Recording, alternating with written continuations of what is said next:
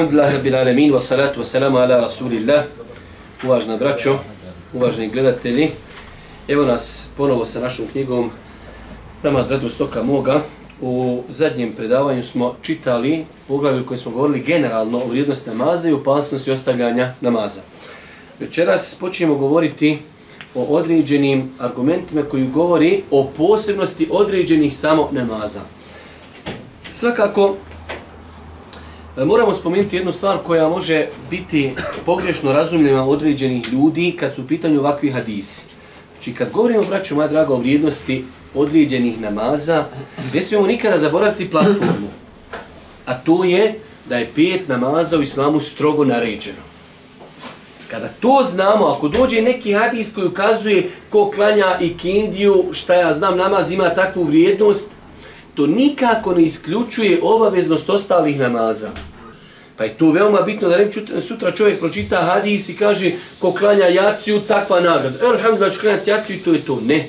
Znači mi imamo platformu, a to je da u islamu naređeno klanjanje pet farz namaza u toku dana, saba, podne i kindija, akšam i jacija.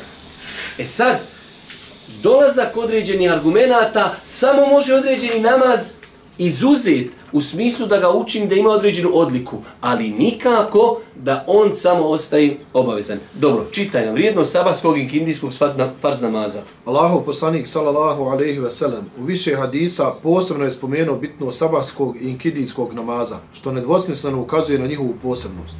To ne isključuje obaveznost ostalih dnevnih farz namaza, zbog mnoštva drugih argumenta koji obavezuju insana na klanjanje svih pet vakata, ali je sigurno pokazatelj odlike ova dva namaza naspram ostalih. E, vidjet ćemo kroz ova poglavlja, Sabah ima određene odlike, i Kindija ima određene odlike, Jacija ima određene odlike.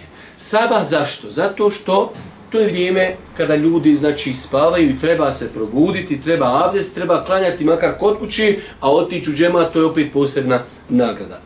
I kindija namaz ima svoju posebnost da je po jednom ispravnom mišljenju da je to središnji namaz. Vi znate Allah Žešan kaže u Koranu Hafizu ala salavati wa salatil vusta. Čuvajte namaz u muslimani, a posebno središnji namaz. Imate učenjaka koji su naveli oko 20 različitih mišljenja koji je to srednji namaz. Ali inšala ispravno mišljenje shodno hadisma koji bilježi Buharija i Muslim, kada je ono Boži poslanik, kada je bila bitka na Hendeku, pa nisu mogli kanjati Kindiju jer je bila borba. Pa je došao Omer radijallahu ta'ala kaže Allahu poslaniće, nisam mogao da klanjam i Kindiju, pa je tu spomenuto u vjerodostojnim hadisima da je Allahu poslanik ali se letu se nam i Kindiju nazvao salatul wusta srednji namaz. Pa je to jedna dodatna odlika za ikindiju namaz, da je ona posebno u Kur'anu spomenuta. Čuvajte namaz, a posebno čuvajte središnji namaz a sljedeći namaz je ikindija. Svakako jacija opet ima svoju posebnu zaštitu, zato što ljudi u toku dana radi kod kuće, kada je akšam tu, tamo, znači, ljudi ulaze u kuću, već jacija, neko je otišao na spavanje, treba čekati u ljetnim danima jaciju, pa jacija ima svoje osobenosti, sava ima svoje osobenosti i kindija ima svoje osobenosti. Da vidimo, pod broj 1. Kontinuirano klanjanje sabahskog i kindijskog namaza pute ka dženetu. Ebu Musa radi Allahu anhu prenosi da Allahu poslanik sallallahu alejhi ve sellem rekao ko klanja sabah i kindiju ući će u džennet. Ovo znači rekli smo, ovi hadisi se svataju na način da klanjamo i ostali namaze definitivno, ali redovno klanjanje sabaha i kindije obećaje se takva nagrada. Ali ovo, znači sada dođe nekoj, pročita ovaj hadis, ne znajući ove platforme, on će kati ja od sutra klanjam, alhamdulillah, sabah i, i kindiju, ja ode u džennet. A šta smo prošli put govorili o argumentima koji ukazuju na opasnost ostavljanja namaza? Pa je veoma bitno da čovjek, rekli smo prošli put, kada hoće određeno pitanje da elaborira, mora uzeti sve argumente i Kur'ana i sunneta, objediniti ih i nakon toga zauzeti stav. Pa ovdje ove argumente ćemo shvatiti na taj način. Idemo mi dalje, znači imamo e, mnogo tih argumenta, nećemo ih, daj nam ovaj od e, Džerira radijallahu ta'ala anhu. Džerir radijallahu ta'ala anhu ukazuje, bili smo kod vjerovjesnika sallallahu alaihi ve sellem, pa on pogleda u mjesec, a bila je noć punog mjeseca i reče, vi ćete u istinu vidjeti svoga gospodara, kao što sada vidite mjesec i dok ga budete gledali. Nećete osjetiti nikakvu poteškoću, pa ako ikako možete, nastojte da ne budete spriječeni u obavljanju namaza prije izlaska i zalaska sunca, nego ih klanjajte. Ovaj hadis, ja sam ga ciljano želio da ga spominjemo i nedavno sam ga i komentarisao u Rijadu Salihinu. Znači, Allah poslanik jedna njegova od metoda podučavanja jeste da je koristio dešavanja u svome prisustvu da ljude podstakne na prakticiranje islama. Znate onaj događaj kad vidio onu ženu koja je bila u roblju pa je ona uzela svoje dijete pa kaže Allah poslanik, mislite li da bi ona svoje dijete bacila u džehennem? Ne bi Allah poslanik, pa kaže Allah poslanik, Allah je više milostiv prema vama nego majka prema ovom djetetu. Pa je Allah poslanik koristio događaje koji se dešavaju oko njega da ljude poduči islamu. Pa jedne večeri su sjedili na polju, pa su vidjeli noć, u no, znači mjesec, u noći uštapa pun mjesec, nema oblaka, pa kaže Allah poslanik, e vidite, kao što sad vi vidite ovaj mjesec, tako ćete na sudnjem danu vidjeti Allaha subhanahu wa ta'ala. Ovaj hadis je definitivno jedan od najjačih argumenta uz određene kuranske ajete da će vjernici na sudnjem danu vidjeti Allaha. I to je, inšala bizna, ispravno mišljenje i po konsenzusu islamskih učenjaka postoje određene sekte u islamu koje su negirale da će vjernici na, na sudnjem danu vidjeti gospodara. Što je čista filozofija, znači jer Allah poslanik jasno u hadisu kaže vi ćete vidjeti svoga gospodara kao što vidite večeras mjesec.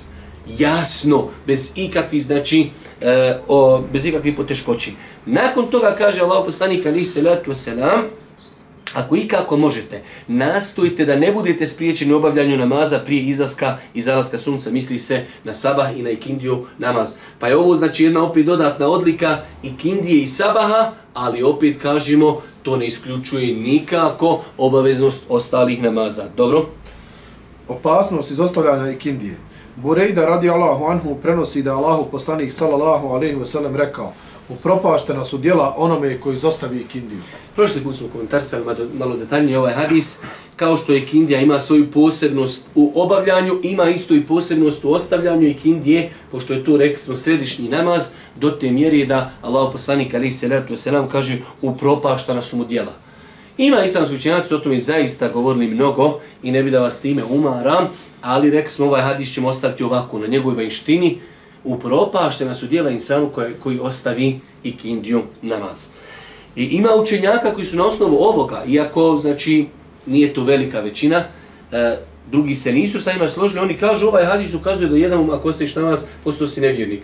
Propustio si kindiju, propala ti sva dijela u islamu, propada i samo dijela onog momenta kada čovjek iziđe iz islama. Tako da mi nećemo reći da, da, da to mišljenje preferiramo, ali opasnost, dok je bilo u Lemi koja kaže ako ostaviš jednom ikindiju namaz, izišao si iz islama, šta je to? To je sigurno za zastrašivanje za insana muslimana da se zastraš da kaže ja rab šta ako ja, ako ja izostavim ikindiju, ne daj Bože ako budem izašao iz islama. Dalje. Posticanje na obavljanje sabahskog i jacijskog namaza u džematu. Hadise Allahu poslanika sallallahu alejhi ve sellem ukazuje nam na posebno mjesto i nagradu za obavljanje sabahskog i jacijskog namaza u džematu. Razlog je jednostavan. To su dva namaza u vremenu kada ljudi borave u svojim kućama i u kojim se odmaraju. Znači mi sad cijelo vrijeme govorimo, pokušajmo da objedinimo određene hadise koji govori o određenim namazima i njihovim vrijednostima. Pa smo vidjeli da imaju posebni argument koji kazuju samo na klanjanje i kindije i sabaha. Sad imamo drugu, znači, hajde kažem kombinaciju sabah i jacija, ali gdje? U džematu. Pa da vidimo. Ko klanja sabah i jaciju u džematu kao da je badeti u cijelu noć. Mm -hmm. Osman ibn Afan radi Allahu anhu ukazuje da je čuo Allahu poslanika sallallahu alaihi ve sellem da je rekao ko klanja jaciju u džematu kao da je klanjao pola noći, a ko i sabah klanja u džematu kao da je klanjao čitavu noć. Subhanallah, kako islam lijep i kako islam jednostavan.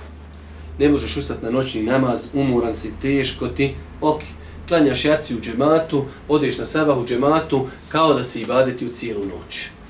Pa je ovo znači jedna posebna i dodatna odlika, a vidit ćemo poslije zašto, znači, zato što je taj period, znači, ljudi jednostavno spavaju, odmaraju i zaista je tada najteže otići u džemat. Idemo e, dalje pod broj 2. Kada bi ljudi znali nagradu sabaha jaci u džematu, dolazili bi na njih pa makar pužući. Mm -hmm. Ebu Hureyre radi Allahu anhu prenosi da Allahu poslanik sallallahu alaihi wa sallam rekao kada bi ljudi znali kakve ih nagrade očekuju za jaciju i sabah, dolazili bi na njih pa makar i pužući. Dalje najteži namaz licemjerima. Ebu Hureyre radi Allahu anhu prenosi da Allahu poslanik sallallahu alaihi ve sellem rekao za licemjere nema težih namaza od sabarskog jacijskoj, a kada bi samo znali šta se u njima nalazi i kakve ih nagrade čekaju za to, dolazili bi na njih pa makar požući. Znači ovdje vidimo da Allah poslanik kaže da je toliko velika nagrada da bi čovjek dolazio puzajući. Zamislite sad koliko bi neko, evo Careva i džamija tu, koliko 150 metara. Neko kaže, haj sad otiđi dole puzajući do džamije. Pa trebao bi ti neko dobro opladati i odiš dole puzajući. E, znači tolika je nagrada, mi samo kada bi bili toga svjesni, čovjek bi išao puzajući. Ovdje u ovom drugom dodatku je došlo da je to najteži, efqalus salati, da je to najteži namaz za licemire. Zašto? Licemir u toku dana, on je tu, u podni, uči sezon, ode i on u džami, uđe, ali valja doći na sabah, kad te niko ne vidi mrak, njima je najdraže da neko vidi da su bili u džami, i ja klanju ekstra fino, vido, podne i kindija, pa i akša već se vidi. E, na jaci prija nije bilo lampe pa te neko vidi. Jes bio, nisam bio. E, to je njima, kad nema dunjalučke koristi, to je njima poteško. Pa znači najteži namaz za licemir jeste sabah i jacija u džematu. Dobro, vrijednost namaza u džematu. Namaz u džematu donosi mnoge koristi društvu. Stoga ćemo naći da se u hadismu Allahu poslanika sallallahu alejhi ve sellem posebne nagrade obećavaju osobama koje kontinu, kontinuirano klanjaju namaz u džematu. Ja se sjećam nekad davno, to je već bilo prije možda i više od 10 godina, kada smo radili na fakultetu pitanje propis namaza u džematu. Znači mi smo, hvala Bogu, no, Allah nas je baš počastio da smo svako pitanje obrađivali kroz četiri mezeba. A ovo želim da vam spomenem iz razloga da dosta puta čovjek treba da, da shvati da u određenim pitanjima ima tolerancije. Koliko ima različitih stavova u pogledu kakav je propis klanjanja namaza u džematu? Koliko vi znate stavova da ima? Četiri. Koja četiri? Da je ruk namaza, da je vađi, da je sunat, da je fatkifaja. Fatkifa ekstra. Pogledajte koje su to različitosti. Ima u Leme kaže sunnet. Ima drugi kaže farz ain svakom i da je uvjet za ispravnost. Ne klanjaš u džematu, na vas nije ispravan. A vidite razlike? To su dva izuzetno daleko stava jedno od drugog. Ja danas čitam kod islamskih učenjaka na jednoj stranici to pitanje, pa jedan čovjek je postavio malo pitanje u smislu da on ono malo ljude koji ne dolazi redovno u džemat, on ih malo ono što bi rekao kritikuje u smislu, pa oni kažu ok, ti možeš zauzeti stav da je to vađiv, da te Allah nagradi, ali ulema se razišla i svi su ti stavovi mu'teber, znači svi imaju svoj jak dokaz što ukazuje da je to jedno pitanje gdje ima poprilično prostora, hajde da kažemo, za neko manevrisanje, ako ništa, za tolerisanje. Pa imamo, znači, Džumur Lemi kaže da je to većina učenjaka i da je to sunnet. Ako klanjaš u džematu, alhamdulillah. Jedno jako mišljenje da je to farski faje. Šta je farski faje? Kolegijalna obaveza. Što znači, ako u jednom džematu bilo ko klanja, bitno je da se ezan prouči i bilo ko da dođe klanjaju u džematu, bitno je da se taj islamski propis ajde da kažemo, obilježi. Klanjalo je u džemat. Ko može da dođe, alhamdulillah. Ko ne može, ovi kad dođu, pala je od, odgovornost na oni koji nisu došli. A imamo stavi da je to vađib svakom pojedincu. Bez da je uvjet tu ispravnost namaza. Vađib, ako klanjaš u džematu, obaveza je, ali ako ne klanjaš, klanjaš kod će namaz ti ispravan. Dok je bilo u Leme koja kaže i obaveza, i ako ne klanjaš u džematu, namaz ti nije ispravan. Pa je to jedno od pitanja u fiku gdje se baš baš ulema dobro razišla, ali svako od njih ima jake dokaze i to većinom su to dokazi iz Buharije i muslima, što ukazuje da je pitanje podliježno različitim pogledima.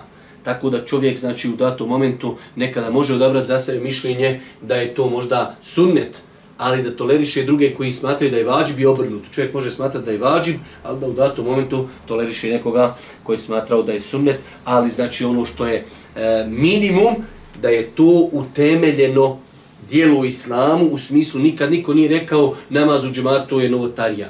Ono je sigurno u islamu propisano, za njega su obećane velike nagrade, ali u pogledu propisa imaju znači jaka razilaže. Dobro, da vidimo namaz u džematu. Vrijedniji je pojedinačno 27 puta. Ibn Omer radi Allahu anhu prenosi da Allahu poslanik sallallahu alaihi ve sellem rekao Namaz obavljen u džematu bolji je i vredniji 27 puta od namaza koji se klanja pojedinačno. Meni neki dan bio jedan insan, ajde da ne govorim otkrije, možda i gleda sad predavanja, u svakom slučaju dvojica baba i priče, on kaže kako je ovaj počeo da obavlja namaz u džematu. Oni su ono ljudi, ekonomisti, trgovci, kaže ovaj jedan drugom, veli, e šta misliš ti sad da ovo sad što možeš zaradit, da ti neko kaže zaračiš da je sedam puta više. Bil ti to, pa bi veli, volio bi. E, tako i namaz, kaže u džematu, 27 puta vrijedni. Kaže, od tada namaz u džematu, završena stvar. Jednostavna matematika. Dobro, broj dva. Slijepac nije dobio dozvolu, to jest olakšicu da izostaje iz džemata. Ebu Hureyre radi Allahu anhu prenosi da je slijepac došao vjerovjesniku sallallahu alaihi ve sellem i rekao mu Allahov poslaniće, ja nemam odića koji bi me doveo do džamije, pa je od poslanika sallallahu alejhi ve sellem tražio da mu dozvoli klanjati u kući što je on i učinio. Kada je slijepac pošao, poslanik sallallahu alejhi ve sellem pozvao ga i upita, čuješ li ezan?" Čujem, odgovori on. Onda mu se odazovi, reče mu poslanik sallallahu alejhi ve sellem. Ovo je jedan od hajde da kažemo, poprilično jaki dokaze da je namaz u džematu vađib. Jer ga Boži poslanik nije dopustio da izostane sa tog namaza čak i slijepa osoba koja nema vodiča. To je znači dodatni faktor, čovjek nema ko da ga vodi, on bi išao, ali nema ko da ga vodi. A druga stvar, ovaj, ovaj hadis nam ukazuje na jednu bitnu klauzulu, a to je kome je bitno. Dobro, mi možemo konstatirati da je namaz u džematu vađib. Komi? Onome ko čuje ezan, učenjem bez mikrofona, u normalnim uvjetima. Znači, prije se Ezan učio na Munari, u normalnim uvjetima. Šta znači u normalnim uvjetima? Bez neke buke ili bez vjetra. Nekad, ja se sjećam kod dijete, znači nekad čuje se Ezan u drugom selu, on se inače ne čuje. Ali ako vjetar puši, subhanallah, vjetar donese glas i čuje se. Znači, u normalnim uvjetima, koliko se može Ezan čuti sa Munari, ljudi koji čuju taj Ezan, po mišljenju Leme koja kaže da je vađib, onda oni kažu vađib je onim ljudima koji su u radiju su toliko da čuju učenje ezana bez mikrofona. Danas, kad bi rekli da je to vađib onima koji čuju ezan, ja znam, primjer, ja znam da sam ja rođen selo, mi iz drugog tamo sela, ali između nas je kotlina 4-5 km. Mi od njih čujemo ezan. I ne daj Bože, kad čovjek rekao vađib, ti on tamo uči ezan, ti kroz kotlinu, ti sa saba traš kren tam do podne i onda dobiješ kući, opet sutra na saba da kreniš. Dobro, broj 3. Poslanik sallallahu alejhi ve sellem razmišljao je da popali kuće onima koji ne dolaze u džemat. Ebu Hureyre radi Allahu anhu prenosi da Allahu poslanik sallallahu alejhi ve sellem rekao tako mi onoga u čijoj je ruci moja duša. Htio sam narediti da se sakupe drva, zatim da se prouči ezan za namaz i da nekom čovjeku naredim da ga predvodi, a da onda odem do ljudi koji ne prisustuju namazu u džematu pa da popalim njihove kuće. I ovo je jedan od argumenta koji ukazuje na obaveznost namaza u džematu jer Boži poslanik zaprijetio kaznom onima koji ne uradi određeno djelo. Da je to bilo sunnet, zašto im popaliti kuće? Iako ovdje Boži poslanik to nije uradio, ali kaže hememtu, lekad hememtu.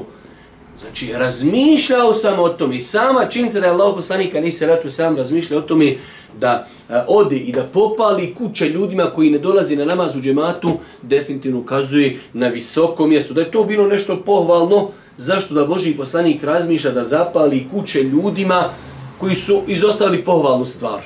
Pa je znači i ovo jedan veoma, veoma jak dokaz. Broj pet. Šetan je savladao one koji ne klanjaju u džematu. Ebu Derda radi Allahu anhu prenosi da je čuo Allahov poslanika sallallahu alaihi ve sellem kako kaže Ako trojica ljudi, bilo da su u selu ili pustom ili nenaseljenom predjelu, ne uspostavi namaz u džematu, takve je šeitan već savladao. Zato se držite džemata, jer u istinu vuk jede ovcu koja se odvoji od stada. Dobro, nastavno čitati na osnovu... Na osnovu spomenuti argumenta, zaključujemo da je namaz u džematu legitiman ibadet, za čije se obavljanje obećavaju ogromne nagrade.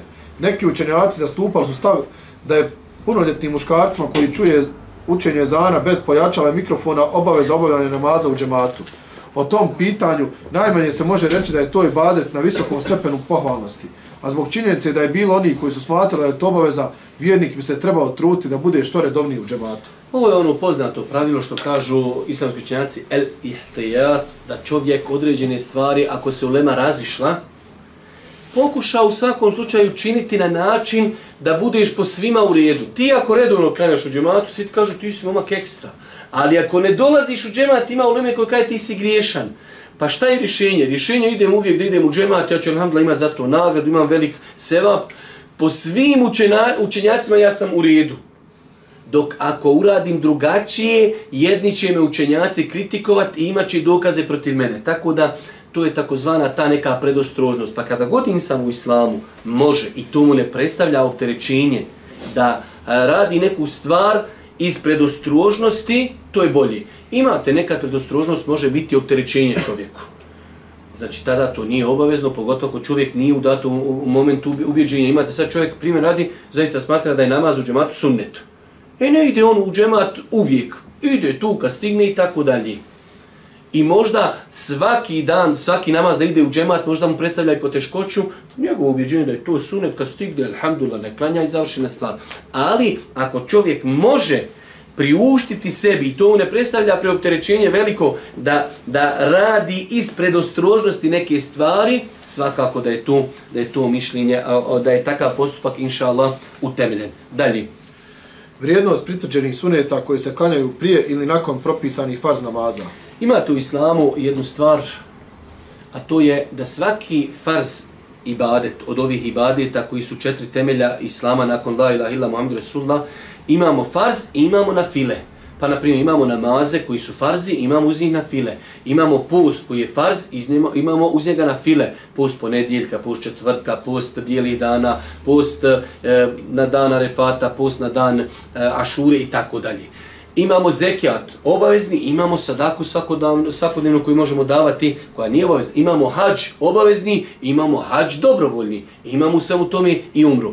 Tako da znači, jedna od blagodati, odnosno i, i Allahovih nijameta prema nama, da nam je dao obavezne ibadete, ali nam je dao i na file od iste vrste, zašto? Došlo je u vjerodostojnom hadisu, da Allah poslanik kada se ratu se nam kaže prvo dijelo za koje će čovjek polagati račun na sudnjem danu je namaz. Pa ako namaz bude, kaže, dobar, uspio je. Ne bude namaz dobar, propao je. Pa onda kaže Allah poslanik kada se ratu se nam kazat će se na sudnjem danu. Pogledajte, ima li moj rob na fila? Ima li moj rob na fila? Pa da se time, znači, upotpuni onaj nedostatak koji čovjek ima u namazu. Pa se čovjek redovno klanja namaz. Ali koliko je čovjek koncentrisan u namazu.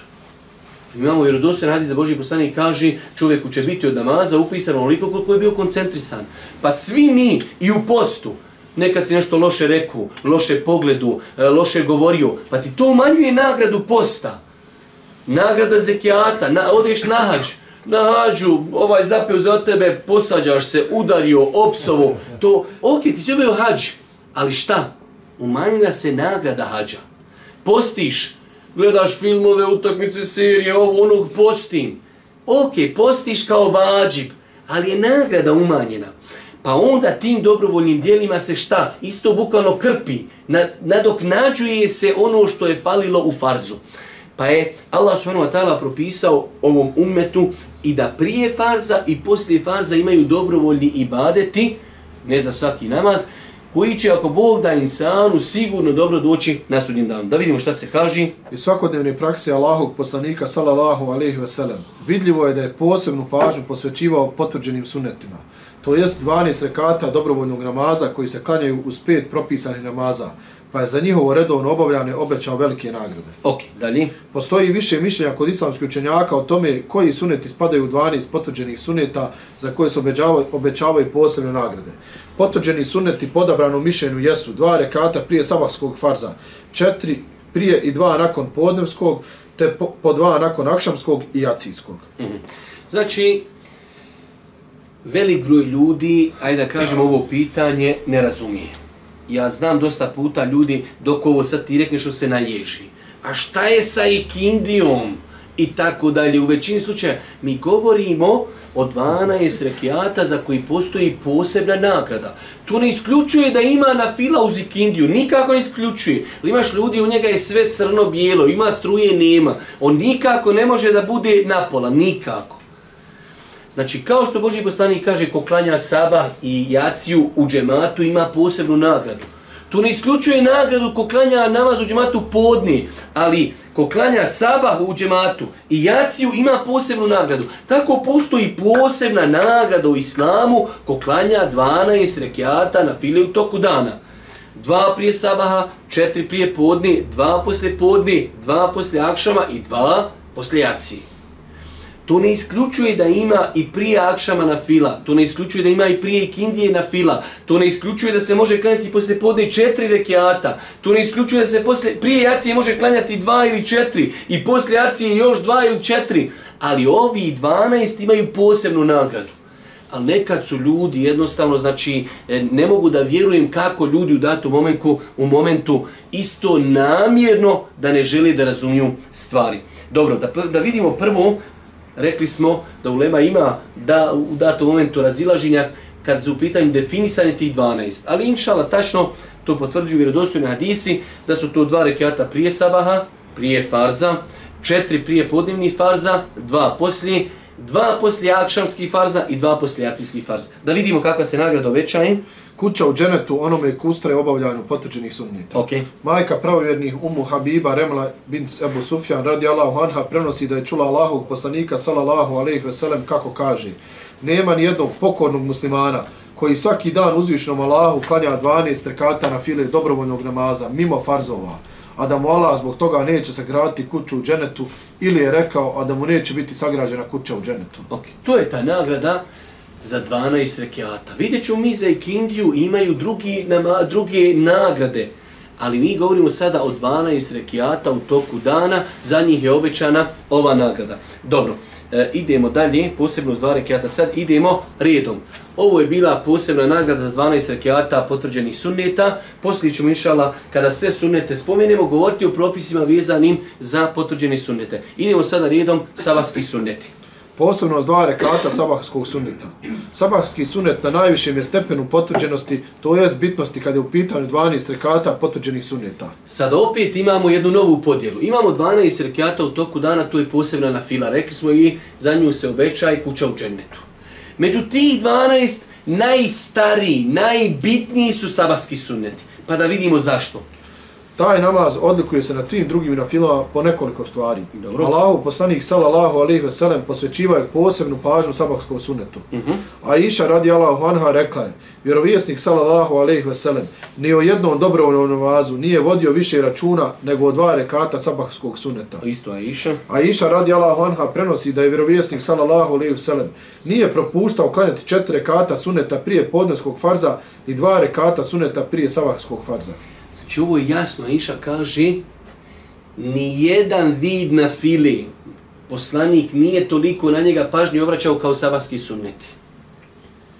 To su jasne znači riječi da su sabaski sunneti na jednom posebnom stepenu pohvalnosti među ovih 12, a opet ti 12 kad su zajedno u paketu ima za njih posebna nagrada. Dva rekata? Dva rekata sabahskog sunneta bolja su od čitavog dunjalka. Uh mhm. -huh. A Iša radi Allahu anha prenosi da je vjerovjesnik sallallahu alaihi wa sallam rekao Dva rekata sabahskog sunneta bolja su od čitavog dunjalka i svega što je na njemu. E, pogledajte čuda. Dva rekata koja se inače od sunnete sabahske sunnete klanjati kratko. Čak ima predaj da kaže toliko je Boži poslanik klanjao kratko sabahske sunnete da su rekli je li imao kad fatihu na njima proučiti. Toliko kad. Čak ima uleme koja kaže da sabahskim sunnetima se samo klanja sa fatihom. Fatiha i Allahu Ekber. Sunneti da se klanjaju kratko, a pogledajte veličine nagrade. Draži su, znači, i vrijedni su kod Allaha od cijelog dunjaluka. Da, dole ovo nikad. Nikad ih nije izostavio ni kod kuće ni na putu. Znači imate ovi 12 rekiata po jednom jakom mišljenju kod islamskog učenjaka, oni se na putu ne klanjaju. 12 rekiata potvrđenih sunnjeta po jakom mišljenju. Ima učenjaka koji kažu i klanja se. Ali u jednom momentu malo je to kontradiktorno. Allah ti dozvolio da spojiš namaze, da skratiš farze i ti kažeš, e ja ću skratiti, spojiti i sad ćeš klanjati potvrđeni sunnete. Pa brata, ćeš klanjati potvrdi sunnet da klanjaj farze kako treba po četiri, po četiri, pa onda klanjaj ono ostalo. Vek ti islam dozvoli da skratiš, da spojiš i ti kažeš, e ja ću još da 12 potvrđenih. E sad ti 12 Boži poslanik nije zabilježio da je klanjao na putu, ali je klanjao savaske sunnete. Ali je klanjao savaske sunnete. Dobro što kaže isto dalje, onaj koji... Onaj koji ne uspije klanjati prije farza, naklanjat će ih nakon farza ili izlaska sunca. I to je pokazatelj njihove bitnosti. Čovjek nije klanjao sabatske sunnete, naklanjat će ih, neobavezno, ali na jednom visokom stepenu pohvalnosti ili odmah nakon farza, iako je to mišljenje u datom momentu malo slabije, Jer jednom prilikom kada je Boži poslanik vidio jednog čovjeka koji klanja sabahske sunnete, nakon farza kaže, a zar sabah četiri rekiata? Pa, pa sam slušao šeha Šankitija i još neki učenje koji kažu, bolje ako čovjek nije klanjao sabarske sunnete, dođeš jednostavno u džamiju, malo se okasnio, oni počeli sa farzima naša braća iz Pakistana i naša neka braća iz Bosne, oni dođu, dođa klanja farze, on zače i stigne on hođu na prvom rekiatu i to nakon fatihe ga stigne. Nije ispravno, Boži poslanik kaže da uqimete salatu fe la salata illa el mektube, kada bude proučeni kamen za namaz, više se ne može započinjati niki, nikakav namaz, osim onaj kome je proučeni kamet. Zato kad si ušao u džamiju i ljudi u farz namazu, nema više filozofije, samo usaf možeš. Dobro, došao sam na Saba, Sabahski sunet su toliko potvrđeni. Šta ću? Najbolje je sačekati izlazak sunca i klanjati nakon izlaska sunca.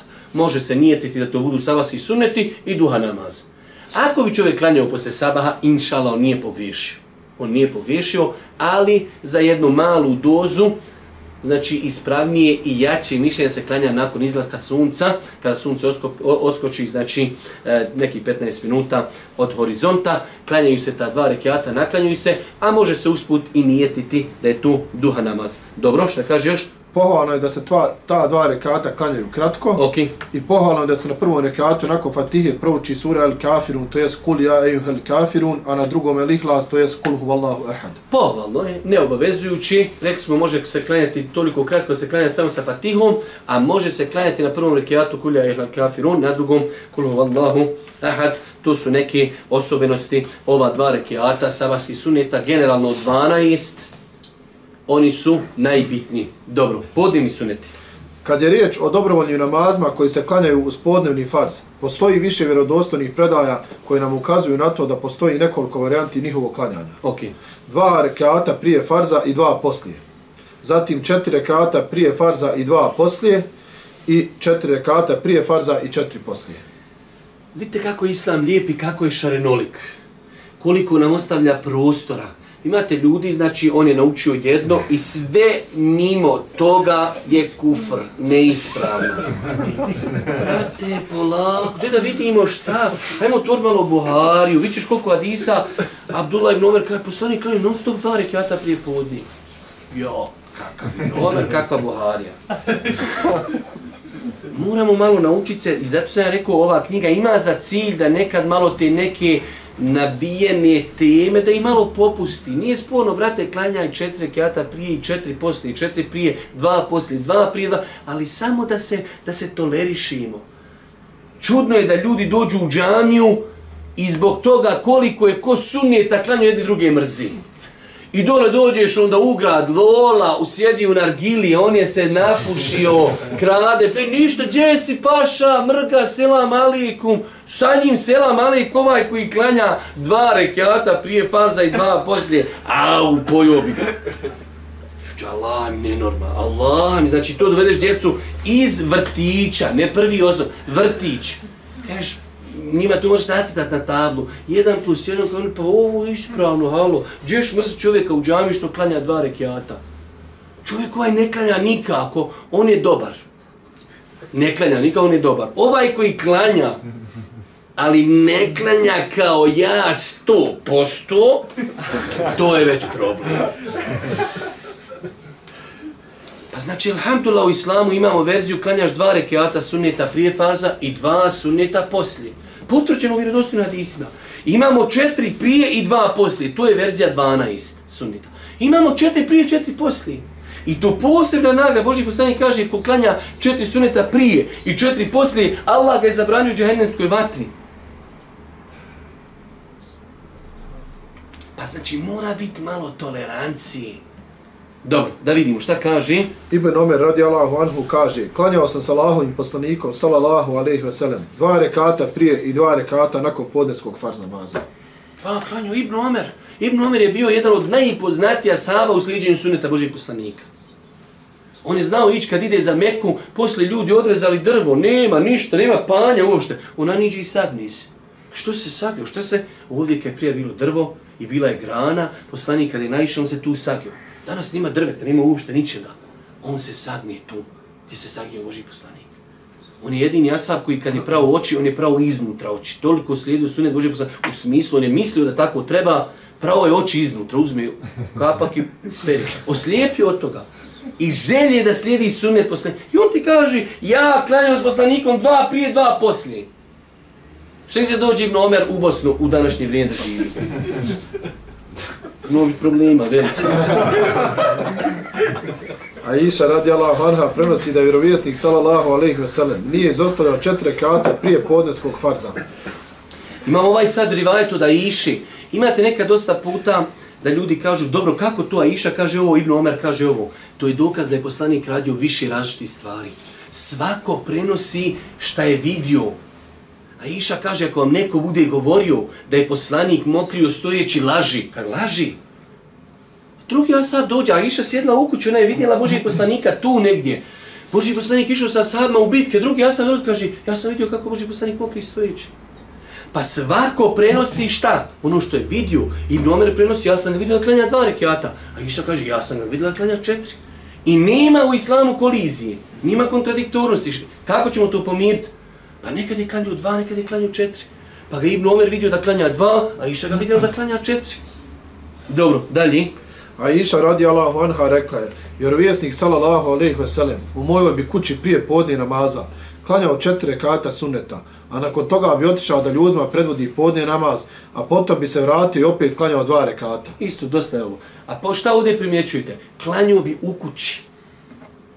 Mi jesmo, treba lagano neke stvari pokušavati, lagano mijenjati. Kod nas je ezan izgubio svoju, svoju funkciju. U osnovi ezan je nešto šta? Uči se ezan da se ljudima koji su tu na pijaci, neko trguje, neko ide, ljudi nastupuje namasko vrijeme. Uskoro ćemo klanjati. Nažalost, u većini džamija u Bosni, ako nisi u džami kad uči ezan, gotovo, ti sunete niš stići klanjati i pitanje ćeš stići na farze. U arapskom cijelom svijetu imate, sad da li to treba odrediti ili ne, ali u većini slučaja imate sato i piše od pod, za podne je od ezana do ikameta 15 minuta, primjer radi. Na ikindi je pola sata, na akšamu 15 minuta. Kod nas je se tu izgubilo i kod nas ovaj hadis ne mreš nikako pravi, osim da si, da si je kuća odmah u džamiju zid do zida. Klanjaš sunnete i opet bi morao trčati da stigneš farze. Zaista. Dok to u arapskom svijetu je normalno, kod kuće, znači čuješ ezan, abdestiš, klanjaš sunnete i dođeš u džamiju. Ako još nisu, na- nije još i kamet, klanjaš te jetu mešćid i sjedniš. I to je pravi sunnet. To je pravi sunnet da se ezan prouči i da se ostavi jedan period da se ljudi abdeste, da se ljudi pripremi da dođu. Kad Boži poslanik od sunneta je, poslije ćemo o tome govoriti, da se sunneti klanjaju u kući. Dobro, e, Umu, Umu Habiba, da? Umu Habiba radi Allahu Anha rek, prenosi da je Allahu poslanik sallallahu alaihi ve sellem rekao Allah je džehennemskoj vatri zabranio onoga ako ustrano bude klanjao četiri rekata sunneta prije i četiri rekata poslije podnevskog farza. Znači, pa smo spomenuli argumente od Ibnu Omera koji ukazuju da je poslanik klanjao dva prije, dva poslije. Od Aiši koja kaže klanjaju u mojoj kući četiri prije, pa farze, pa dva poslije. To je druga verzija. Treća verzija, četiri prije i četiri poslije, koju potvrđuje opet hadis u Muhabibi. Dobro, i kindijski sunneti. U vjerodostojnim predajama navodi se da se mogu klanjati dva ili četiri kata prije kindijskog farza, dok se nakon njega ne klanjaju dobrovoljni namazi sve dok sunce ne zađe i to je period u kojem je zabranjeno klanjati opću na filu. Dobro. Spomenute na file od dva ili četiri rekata prije kindijskog farza ne potpadaju pod potvrđene sunnete iz grupe 12 rekata. Ovo je ljudima teško satiti. Pa ste imate posebnu nagradu oko klanja četiri rekiata prije kindije. Ali jednostavno ne potpada pod grupu 12 rekiata potvrđenih sunneta u toku dana. Ali znači, može se klanjati dva, zato što Boži poslanik kaže između svakog ezana i kameta klanjajte dva rekiata. A može se klanjati četiri zbog posebnog hadisa koji govori o tome. Pa nima, nima smetnje da čovjek za ikindiju klanja ili dva ili četiri rekiata. Ali oni ne potpadaju pod kategoriju 12 rekiata potvrđeni. Dobro, e, ako se... Ako se klanjaju dva rekata prije ikindijskog farza, to se može učiniti s nijetom pozdrava džami, to jest tehijetul mesđid, ili općim nijetom klanjanja dva rekata koje se klanjaju između svakog ezana i kameta. Ok. Ibn Omer radi Allahu anhu prenosi da je vjerovjesnik sallallahu alaihi ve sellem rekao Allah se smilovao osobi koja prije kindijskog farza klanja četiri rekata. U gledu ovog hadisa, vjerujem da već velik broj vas zna, postoji jako razilaženje da li je ovaj hadis vjerodostojan, ali eto, ja sam se e, znači, zadovoljio time da sam uvijek navodio mišljenje šeha Albanija, on ga je smatrao dobrim, da se može znači, e, dokazivati sa njim u pogledu e, ovi vrijednosti ove na file, ali hvala Bogu pa je to vrijeme e, kad se može klanjati na fila, znači prije i kindije se može klanjati pa dva, pa četiri, pa i šest, nije ništa, ništa sporno. Nama jedan šeh, kad smo u Medini kod njega učili, Kaže, kad vas ljudi pitaju u vezi na fila, nemoj nikad ljudima nešto plavo zatezat. Prije kindima, klanjaj dva, klanjaj čet, klanjaj šest, klanjaj koliko god možeš. Hvala Bogu kad je to vrijeme i prostor za na filu, nije ništa sporno. Već znači samo je bitno da ljudi ne čini nešto što je zabranjeno. Akšamski sunneti. Sunet Allahu poslanika sallallahu alejhi ve sellem potvrđuju da je prije akšamskog farza dozvoljeno klanjati dva rekata na fili, a koji nisu sastavni dio 12 potvrđenih rekata i da se nakon akšamskog farza klanjaju dva rekata na file koji su sastavni dio 12 potvrđenih rekata. To je jedan od sunneta koji god nas također zapostavljen, da se nikada prije farza, a akšamski nešto ne može klanjati, zato što uči se ezan i odmah i kamet. U sunnetu Božeg poslanika jasno nalazimo da su ashabi nakon e, ezana klanjali dva rekata i da je Boži poslanik gledao kako klanjaju i nije im to zabranjivao. Pa znači prije akšama se može klanjati ako ima vremena. Ako nema vremena, alhamdulillah, čovjek će čekati i kameti, to je to. Ta dva rekiata, oni potpadaju ili pod kategoriju tahijetul mesčida, ili pod kategoriju da je Boži poslanik rekao između svakog ezana i kameta ima dva rekiata se mogu klanjati. Nakon akšama se klanje dva rekiata koji potpadaju pod kategoriju 12 rekiata potvrđenih sunnita. Šta kaže Aisha radi Allah, kada kaže? Aisha radi Allah, anhu rekla, anha rekla je, vjerovjesnik sallallahu alaihi ve sellem, u mojoj bi kući prije podne namaza klanjao četiri rekata sunneta. A nakon toga bi otišao da ljudima predvodi podne namaz, a potom bi se vratio i opet klanjao dva rekata. Isto tako ljudima predvodio akšam namaz, nakon čega bi se vratio u moju kući klanjao dva rekata sunneta predvodio bi ljudima jacijski namaz, pa bi ušao u moju kuću i klanjao dva rekata sunneta. Ovo je znači prvi dokaz da je Boži poslanik klanjao, da je klanjao dva rekata nakon akšama. Dobro, Abdullah ibn Mugaffel. Abdullah ibn Mugaffel radijallahu anhu prenosi da je vjerovjesnik sallallahu alaihi wa sallam rekao klanjajte prije akšamskog farza. Treći put je rekao ko hoće, strahujući da će ljudi smatrati njihovo klanjanje obaveznim. Znači, klanjajte, pazite, ovdje čak došlo u naredbenoj formi, klanjajte Pa je jednom rekao, klanjajte prije farza, klanjajte prije farza. Onda, znajući da to ljudi mogu shvatiti kao obaveza, ko hoće. Ali je nama bitno da je to ibadet koji ima svoje utemeljenje u islamu. Zato bi bilo lijepo i pohvalno se ezan za akšan prouči i sačka se pet minuta.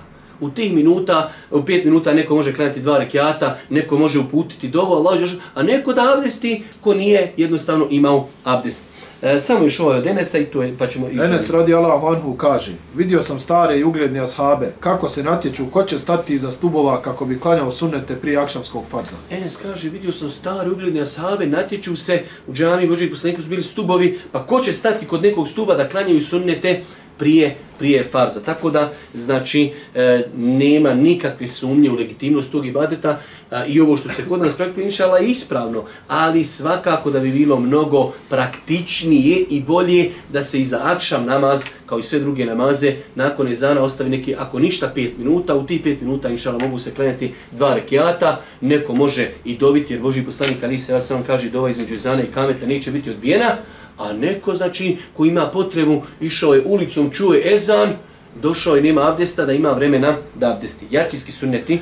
Prije jacijskog farza, kao što je preneseno u vjerodostojnih predajama, mogu se klanjati dva rekata dobrovoljnog namaza zbog općenitosti hadisa koji govori o tome da se između svakog ezana i kameta mogu klanjati dva rekata koji ne spadaju u 12 rekata potvrđenih sunneta i dva rekata nakon jacijskog farza koji spadaju u potvrđene sunnete. Znači opet jacija je slična akšamu imamo dva rekiata nakon što se uči ezan, dva, a može se klanjati kao što je kod nas klanja četiri. S tim što je kod nas malo problem samo što se to, ta četiri ne mogu nikako preći u dva. Znači, to je problem. Ali da čovjek klanja neka dva, neka četiri, neka šest, to nije ništa sporno. Zašto? Jer je to period kad je dozvoljeno klanjati na filu. Pa se mogu klanjati dva rekiata, može se klanjati četiri bez ikakvih problema. Ako čovjek klanja dva rekiata, znači klanja zato što Boži poslanik kaže između svakog ezana i kameta, možete klanjati dva rekiata, a može se klanjati s nijetom tehijetu mešćida, pozdrava džami, čovjek je došao na jaciju, uči ezan, prije nego što sjedne klanjaće dva rekiata, jer Boži poslanik kaže u Hadisu Buhari muslima, nemojte sjedati u džamiju prije nego klanjate dva rekiata. Pa imamo dva rekiata, ali oni prije jacije koji ne potpadaju pod pojam 12 rekiata potvrđeni sunnita imamo dva rekiata nakon jaci koji potpadaju pod taj pojam. Dobro.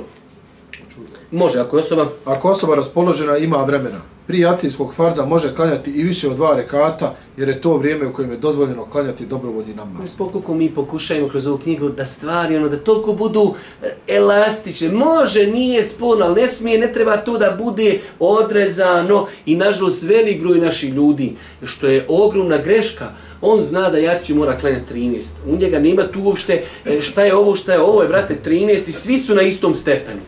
Treba ljude naučiti da su ovo sunneti, ovo su sun sunneti, ovo su potvrđeni, ovi se mogu izostaviti. O, jednostavno doće čovjek sutra u situaciju, Boga mi umora, ne mogu 13. Da mu kažeš, pa poklanjaj paša 4, jedan vitara, to je 5, idi spavaj.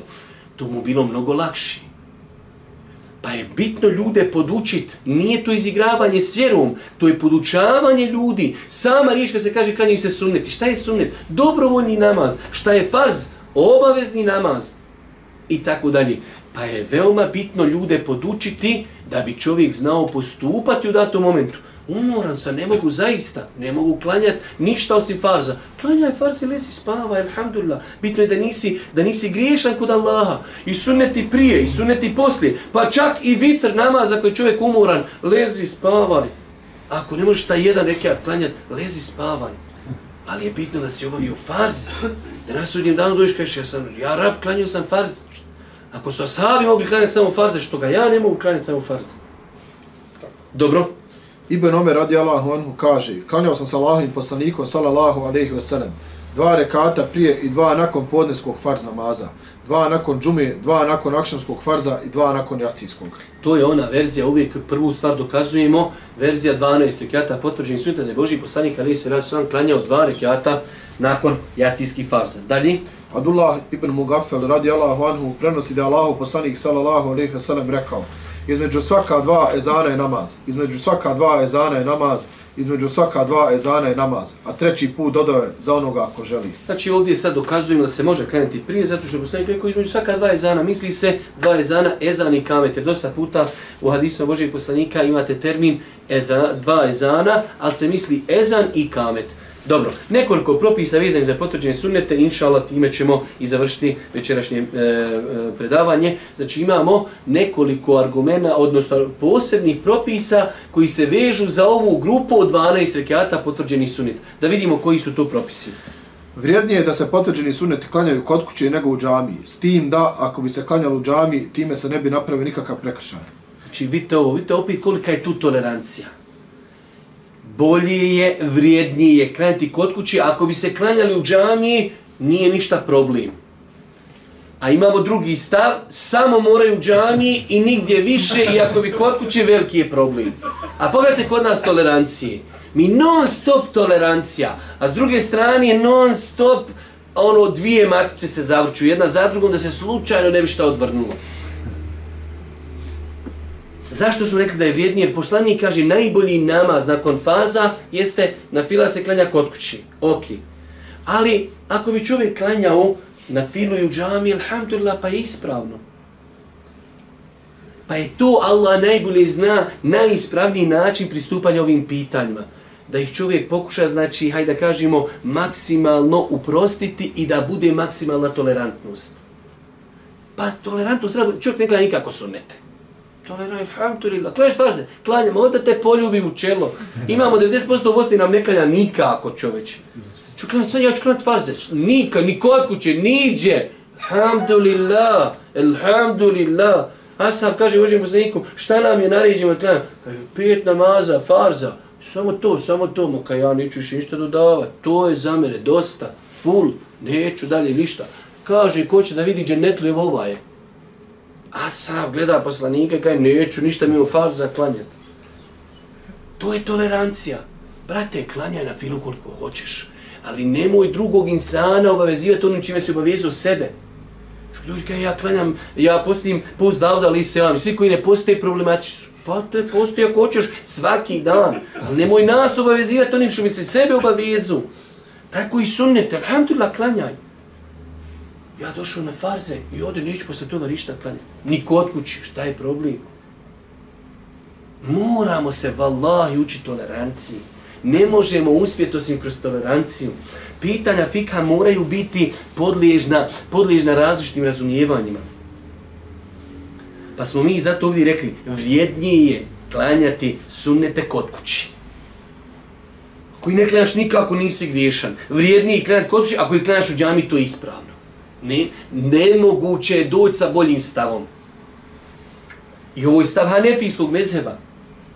Hanefijski mezheb smatra da je bolje na filu klanjati kod kući. Osim, kaže, situacije, ako ćete kod kući neko uznemiravati, a u džami te mirno, bolje klanjati zbog skrušenosti, ili ako dođeš kući da ćeš zaboraviti, bolje klanjati u džami. Ali generalno mezheb, mezheb jeste da je bolje klanjati kod kući na filu. To je mezheb. Sad imamo i mi svoj mezheb. Hajde dalje, da vidimo. Prenosi Zaid ibn Sabit radi Allahu anhu da je vjerovjesnik sallallahu alaihi sallam rekao O ljudi, klanjajte u svojim kućama. Uistinu je najbolji onaj namaz koji čovjek klanja u svojoj kući osim obaveznih namaza. Jasno ko, ko sunce, ko dan. Najbolji namaz jest da ga klanjaš kod kući. Osim farza. Farz se klanja u džami. Mimo toga klanjaj kod kući. Dobro, šta kaže još?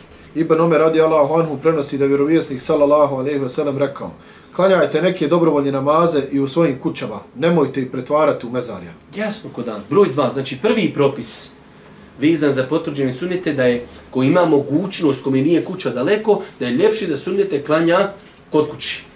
Ali ako klanja u džami, pogotovo zbog nekih ovih, nazovimo ih, e, običajni ili tehnički problema koji su kod nas, uči se ezan i odmah suneti farzi, klanja tu džami nije ništa sporno.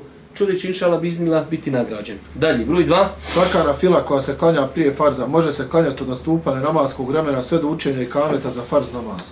Dok se svaka nafila koja se klanja nakon farza može klanjati nakon farza sve do, sve do predistek namaskog vremena. Znači ovo velik broj ljudi ne zna. Vidite sad, na primjer, kad je kod nas podne u, ovim, u ovom periodu. Tačno da vidimo kad je. Evo, znači podne je kod nas u 11.32. Ti si došao u džamiju 11.33. Ako budeš čekao ezan u 12, ako za, ja znam, znam šta govorim zaista, možda četiri rekiata, ako hoćeš da klanjaš lagano, smirno, da učiš po jednu stranicu na rekiatu, to je nemoguće. E, ti si došao u 11.32, već je nastupilo podni. To što Ezan nije učio, to uopšte ne mijenja propis. U 11.32 ulaziš u ženu, kažeš Allahu ekber, klanjaš tehijetu mešćid i klanjaš podnevne sunnete. Nastupio je namaz, gotovo je, nastupilo je vrijeme. To što, opet mi zbog tehničkih stvari učimo ezan u 12 sati. Ali je nastupilo podni, klanjaš dva rekiata tehijetul mešćida, u istom nijetu ti je i klanjam sunnete podniske. Klanju sam dva, predam selam, ustanem, klanjam još dva. Do 12 klanjaš četiri rekiata na file i lagano, uči ezan, znači ako hoćeš klanjaš još, ako nećeš sjediš, učiš Kur'an, doviš i klanjaš s ljudima farze. Pa znači, pojenta je da se na file koji se klanjaju prije namaza mogu klanjati od samog nastupanja vremena pa sve do ikameta. Kad god da ih klanjaš, alhamdulillah. Kada je u pitanju na fila koja se klanja nakon namaza, kao što je u pitanju podne, kao što je u pitanju akšam, kao što je u pitanju jacija, može se klanjati sve do sljedećeg namaza. Pa primjer radi. Čovjek klanjao akšam namaz, evo, sad ćemo opet po aktiji. Klanjao je akšam namaz, znači u, 6, dva, e, u 4.27 je akšam. Klanjao je akšam namaz i otišao je nešto kući sa djecom, žena, tamo, nije klanjao sunete u džami Klanjao ću i kod kući. Došao kod kući, aha, Bosna igra, Austrija, tam vam, to, sjedi, prošlo prvo polu vrijeme, a, a Jacija je u 17.55. On u 17.45, ostalo još 10 minuta do Jacije. Kad nisam klanju sunete, ode i klanja. Njegovi su suneti, hajde da kažemo, klanjani u vremenu. Pa se sunneti koji se klanjaju nakon farza mogu klanjati sve do narednog namaskog vremena nije znači obaveza da ih čovjek mora klanjati odma uz farze. Suneti koji isponavljamo, koji se klanjaju prije e, farza, mogu se klanjati od nastupanja namaskog vremena pa do ikameta. Suneti koji se klanjaju nakon farza mogu se klanjati od farza nakon što čovjek sazikri pa sve do prestanka tog namaskog vremena. Dobro, šta kaže Ibn Kudame? Ibn Kudame, vrijeme svakog dobrovoljnog namaza koji se klanja prije farza počinje stupanjem namaskog vremena pa sve dok se ne počne klanjati farz namaz. A vrijeme svakog dobrovoljnog namaza koji se klanja nakon farza počinje od završetka farz namaza pa sve do predistek namaskog vremena. Ova knjiga piše 109 El Mugni za oni koji znaju arapski i ganjaju arapske knjige. To je jedna od najboljih enciklopedija u fikhu islamskog islamskom tako koji može kupiti nabaviti definitivno jedno od najboljih knjiga na planeti kad napisan. Broj 3. Ako se desi da osoba koja ima naviku stalno klanjati potvrđene sunete bude ispriječena da ih obavi u njihovom propisanom vremenu, može i naklanjati nakladno. Dobro. A Iša radi Allahu anha prenosi da je vjerovjesnik sallallahu alaihi ve sellem klanjao četiri kata suneta nakon podnenog farza ako ih ne bi klanjao prije. Znači, ako čovjek zaista imate ljudi koji su principijalni klanjaju non stop uvijek četiri prije podne, dva poslije i tako dalje, i u datom momentu nešto ga je spriječilo. Ne čovjek jednostavno ne klanja skoro pa nikad i onda nešto mu pukne film, kaj pa ja bi sad ovo nešto naklanjavu. Allah najbolji zna, može on klanjati, ali nema potrebe za naklanjavanjem. To općana fila, znači rekli smo, tu su vrata uvijek otvorene. Ali zaista čovjek imate ljudi, godinama ustrajava na 12 rekiata. I u datom momentu bio je na poslu ili nije uspio klanjati primjer radi četiri rekiata prije podne.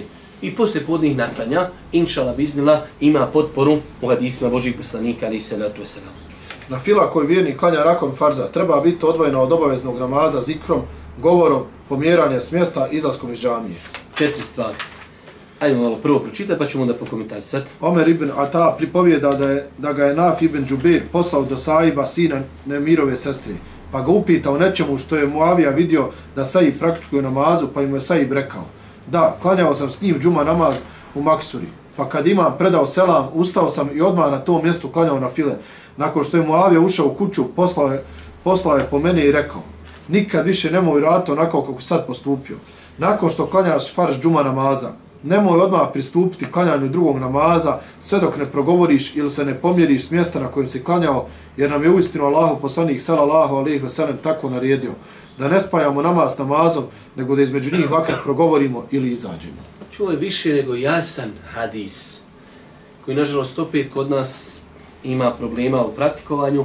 Moavija je vidio čovjeka kako je klanju i odmah usto, ko što ko je kod vas bio u Medini dole, e, u Medini se to najviše očituje, u Mekke ono, nema čovjek prosa, Medina je fino, ono sve ravno i se, znači sve ovako hođe do eselamu alaikum, eselamu alaikum, i samo Turci, i Bosanci, i Pakistanci odmah u istom momentu iziđu, ustanu, Allahu ekber. To oni su jedini ume to, iako su mnogobrojni, alhamdulillah. Pa Moavija je tako vidio čovjeka, klanju džumu, selam, alek, selam i usto odmah klanjati. Pa je Moavija ga pozvao, idite, pošaljite mi tog potog čovjeka vrat, nemoj tu više nikad uraditi. Ne u smislu, ne daj Bože, prijetnje, već neispravno si postupio, jer poslanik je nama to zabranio, da spajamo na filu i farz. Ne može se prednja na fila nikad spojiti s farzom, jer je ona odvojena čime? I kametom. Znači, mi kad klanjamo sunnete, ima i kamet i odvaja farze. Dok kada klanjamo farze, treba napraviti određeni period da se odvoje farzi od sunnita. Pa imamo nekoliko varijanti koje su spomenute u naslovu. Ovdje kaže treba biti razvojen e, zikrom ili govorom. Čovjek s nekim nešto porazgovara, odvoji sunnete od farza. Ili da se pomjeri, odi na drugo mjesto u džamiji klanja. Ili iziđe iz džamije pa će kod kuće klanjati sunnete. Ili na sofi, na primjer, pred džamijom da klanja. Ovo su četiri varijante i četiri načina, mogućnosti kako rastaviti sunete od farza. Ili zikrom, čovjek sjedi i sazikri ono što je zikrio Boži poslanik, ili govorom s nekim koji kod njega klanjao nešto porazgovara, svakako mora tiho, da ne bi drugi uznemiravu, ili pomjeri se na drugo mjesto, to je alhamdulillah kod nas jedna fina praksa da određen broj ljudi kada klanja farze, pomjeri se nakon farza, što je lijepa praksa, i ili izlaskom iz džamije. To su četiri načina kako čovjek može rastaviti sunnete od farza. E, broj pet od propisa. Ako, čuje, ako čovjek čuje učenje kameta za farz namaz, neće početi klanjati na filu. Uh mhm. -huh. Ebu Hureyre radi Allahu anhu prenosi da je vjerovjesnik sallallahu alaihi wa sallam rekao kada se prouči kamet za namaz, ne treba klanjati ni jedan drugi namaz osim onoga za koji kamet proučen. Bez obzira znači što se radi o potvrđenim sunnetima, bez obzira što se radilo o nečemu što je vrijedno, ako smo došli u džamiju, proučen je i kameti ljudi u safu, Pa ste to, ko, ko je bio dole u Mekki, u Medini, na Hadžu, to će vidjeti koliko ljudi po tom pitanju griješi. Znači, sabah se počne klanjati i ljudi koji su malo okasni, vidiš, jednostavno ljudi već se uči se namaz, on zna da će se duže učiti u namazu i on stane i klanja sabahske sunete, što je neispravno. I da uqimati salatu, fe la salate, fe la salate, nema, nema, neispravno, ne smiješ započinjati novi namaz. Kad se prouči kamet za određen namaz, nema odpočinjati novi namaz, osim onaj namaz za koji je kamet proučen. Ima ono poznato pitanje, to je šta učiniti ako smo mi u toku namaza, primjer radi, počeo si klanjati i uči kamet da li u potpun taj namaz ili ga prekinuti. Imaju tri različita stava, Allah najbolje zna najispravnije stav. Ima uleme koja kaže svakako u potpuni. Ima uleme koja kaže svakako prekida zbog ovog hadisa. Šehu Husemin Rahmetullah Ali napravio neki središnji stav i mislim da je to i najispravniji stav. On kaže, ako je čovjek na drugom rekiatu i ostalo mu još kratko do, do da predavanje selama, neku potpuni malo, a je kažemo skraćeno i brzo. A ako je čovjek tek počeo klanjati, Allahu Ekber, pročio subhaneke i počne ušti kamet prekini namaz. Prekini namaz zbog ovog hadisa. Hadis jasan u Buhari muslimu, kada se prouči kamet, nema više nikakvog namaza, osim namaza koji je, za koji je proučen i kamet. I zadnji propis, šesti propis, vezan za potvrđene sunnete. Kada je inca na putu, pohvala je da zostavi potvrđene sunnete osim sabahskih i vitr namaza, za koje smo prijetno rekli da i poslanik sallallahu alejhi ve sellem nikad nije ostavljao. O tome smo već malo na početku govorili. Znači, kad je čovjek na putu, imate tu dvije stvari imamo stvar da čovjek kada je na putu ne klanja potvrđene sunnete, izuzimajući sabaske sunnete i vitre. Znači, zabilježno u vjerodostojnim predan poslanik na putu klanjao sabaske sunnete i vitre. Ali ovo ne isključuje da čovjek kada je na putu i kada osjeti, hajde da kažemo, eto, neku onu stanje, želio bi da klanja na filu, i on je u periodu u kojem se može klanjati na fila, nije sporno da čovjek klanja opću na filu. Jer je zabilježeno jer dostojno hadisima opet kod Buhari i muslima da je Boži poslanik znao klanjati na devi. I klanjanje, znači, sunneta na putu ima opet posebne e, propise, tako da čovjek može klanjati, na primjer, radi u avionu se. I u 9 sati putuješ, već je sunce oskočilo, možeš klanjati kako god da se avion okrini, ti klanjaš. Klanjati, znači, sjedečke i klanjati bez obzira u kojem se pravcu okrini pre, prevozno sredstvo. U autobusu, u vozu, u brodu, može se klanjati i ne treba se okrećati prema kibli i može se klanjati sjedički. Za razliku od farza. Za razliku farza, kada se moramo okrenuti prema kibli i ne možemo klanjati u startu sjedički. Dok kada je u pitanju općana fila, Znači, ima nekoliko uvjeta. Da je općana fila, da smo na putu, ne moramo se okrenuti prema kibli, možemo se okrenuti gdje se okreće naša, naša jahalca ili prevozno sredstvo i možemo u startu odmah početi klanjati sjediški re Boži poslanik za Biližnu Buharim i Muslimu, da je klanjao na filu namaz, opću na filu namaz, na devi, ondje gdje se deva okreni i klanjao je i šaretom, znači sjediški. To su neki propisi vezani za potvrđenje sunnete. Lijepo je da čovjek ti poznaje propise. Mi ako Bog da sljedećeg, sljedećeg četvrtka nastavljamo sa argumentima koji ukazuju na vrijednost još određenih nekih namaza u islamu. Volim Allah Žešanu da nas poduči propisima vjeri. Molim Subhanahu wa ta'ala da im budem milostiv na sudnjem danu na kraju Subhaneke. Allahumma da bihamdike, šedmen la ilaha ilan stakfiruke, ve tubu ilaik.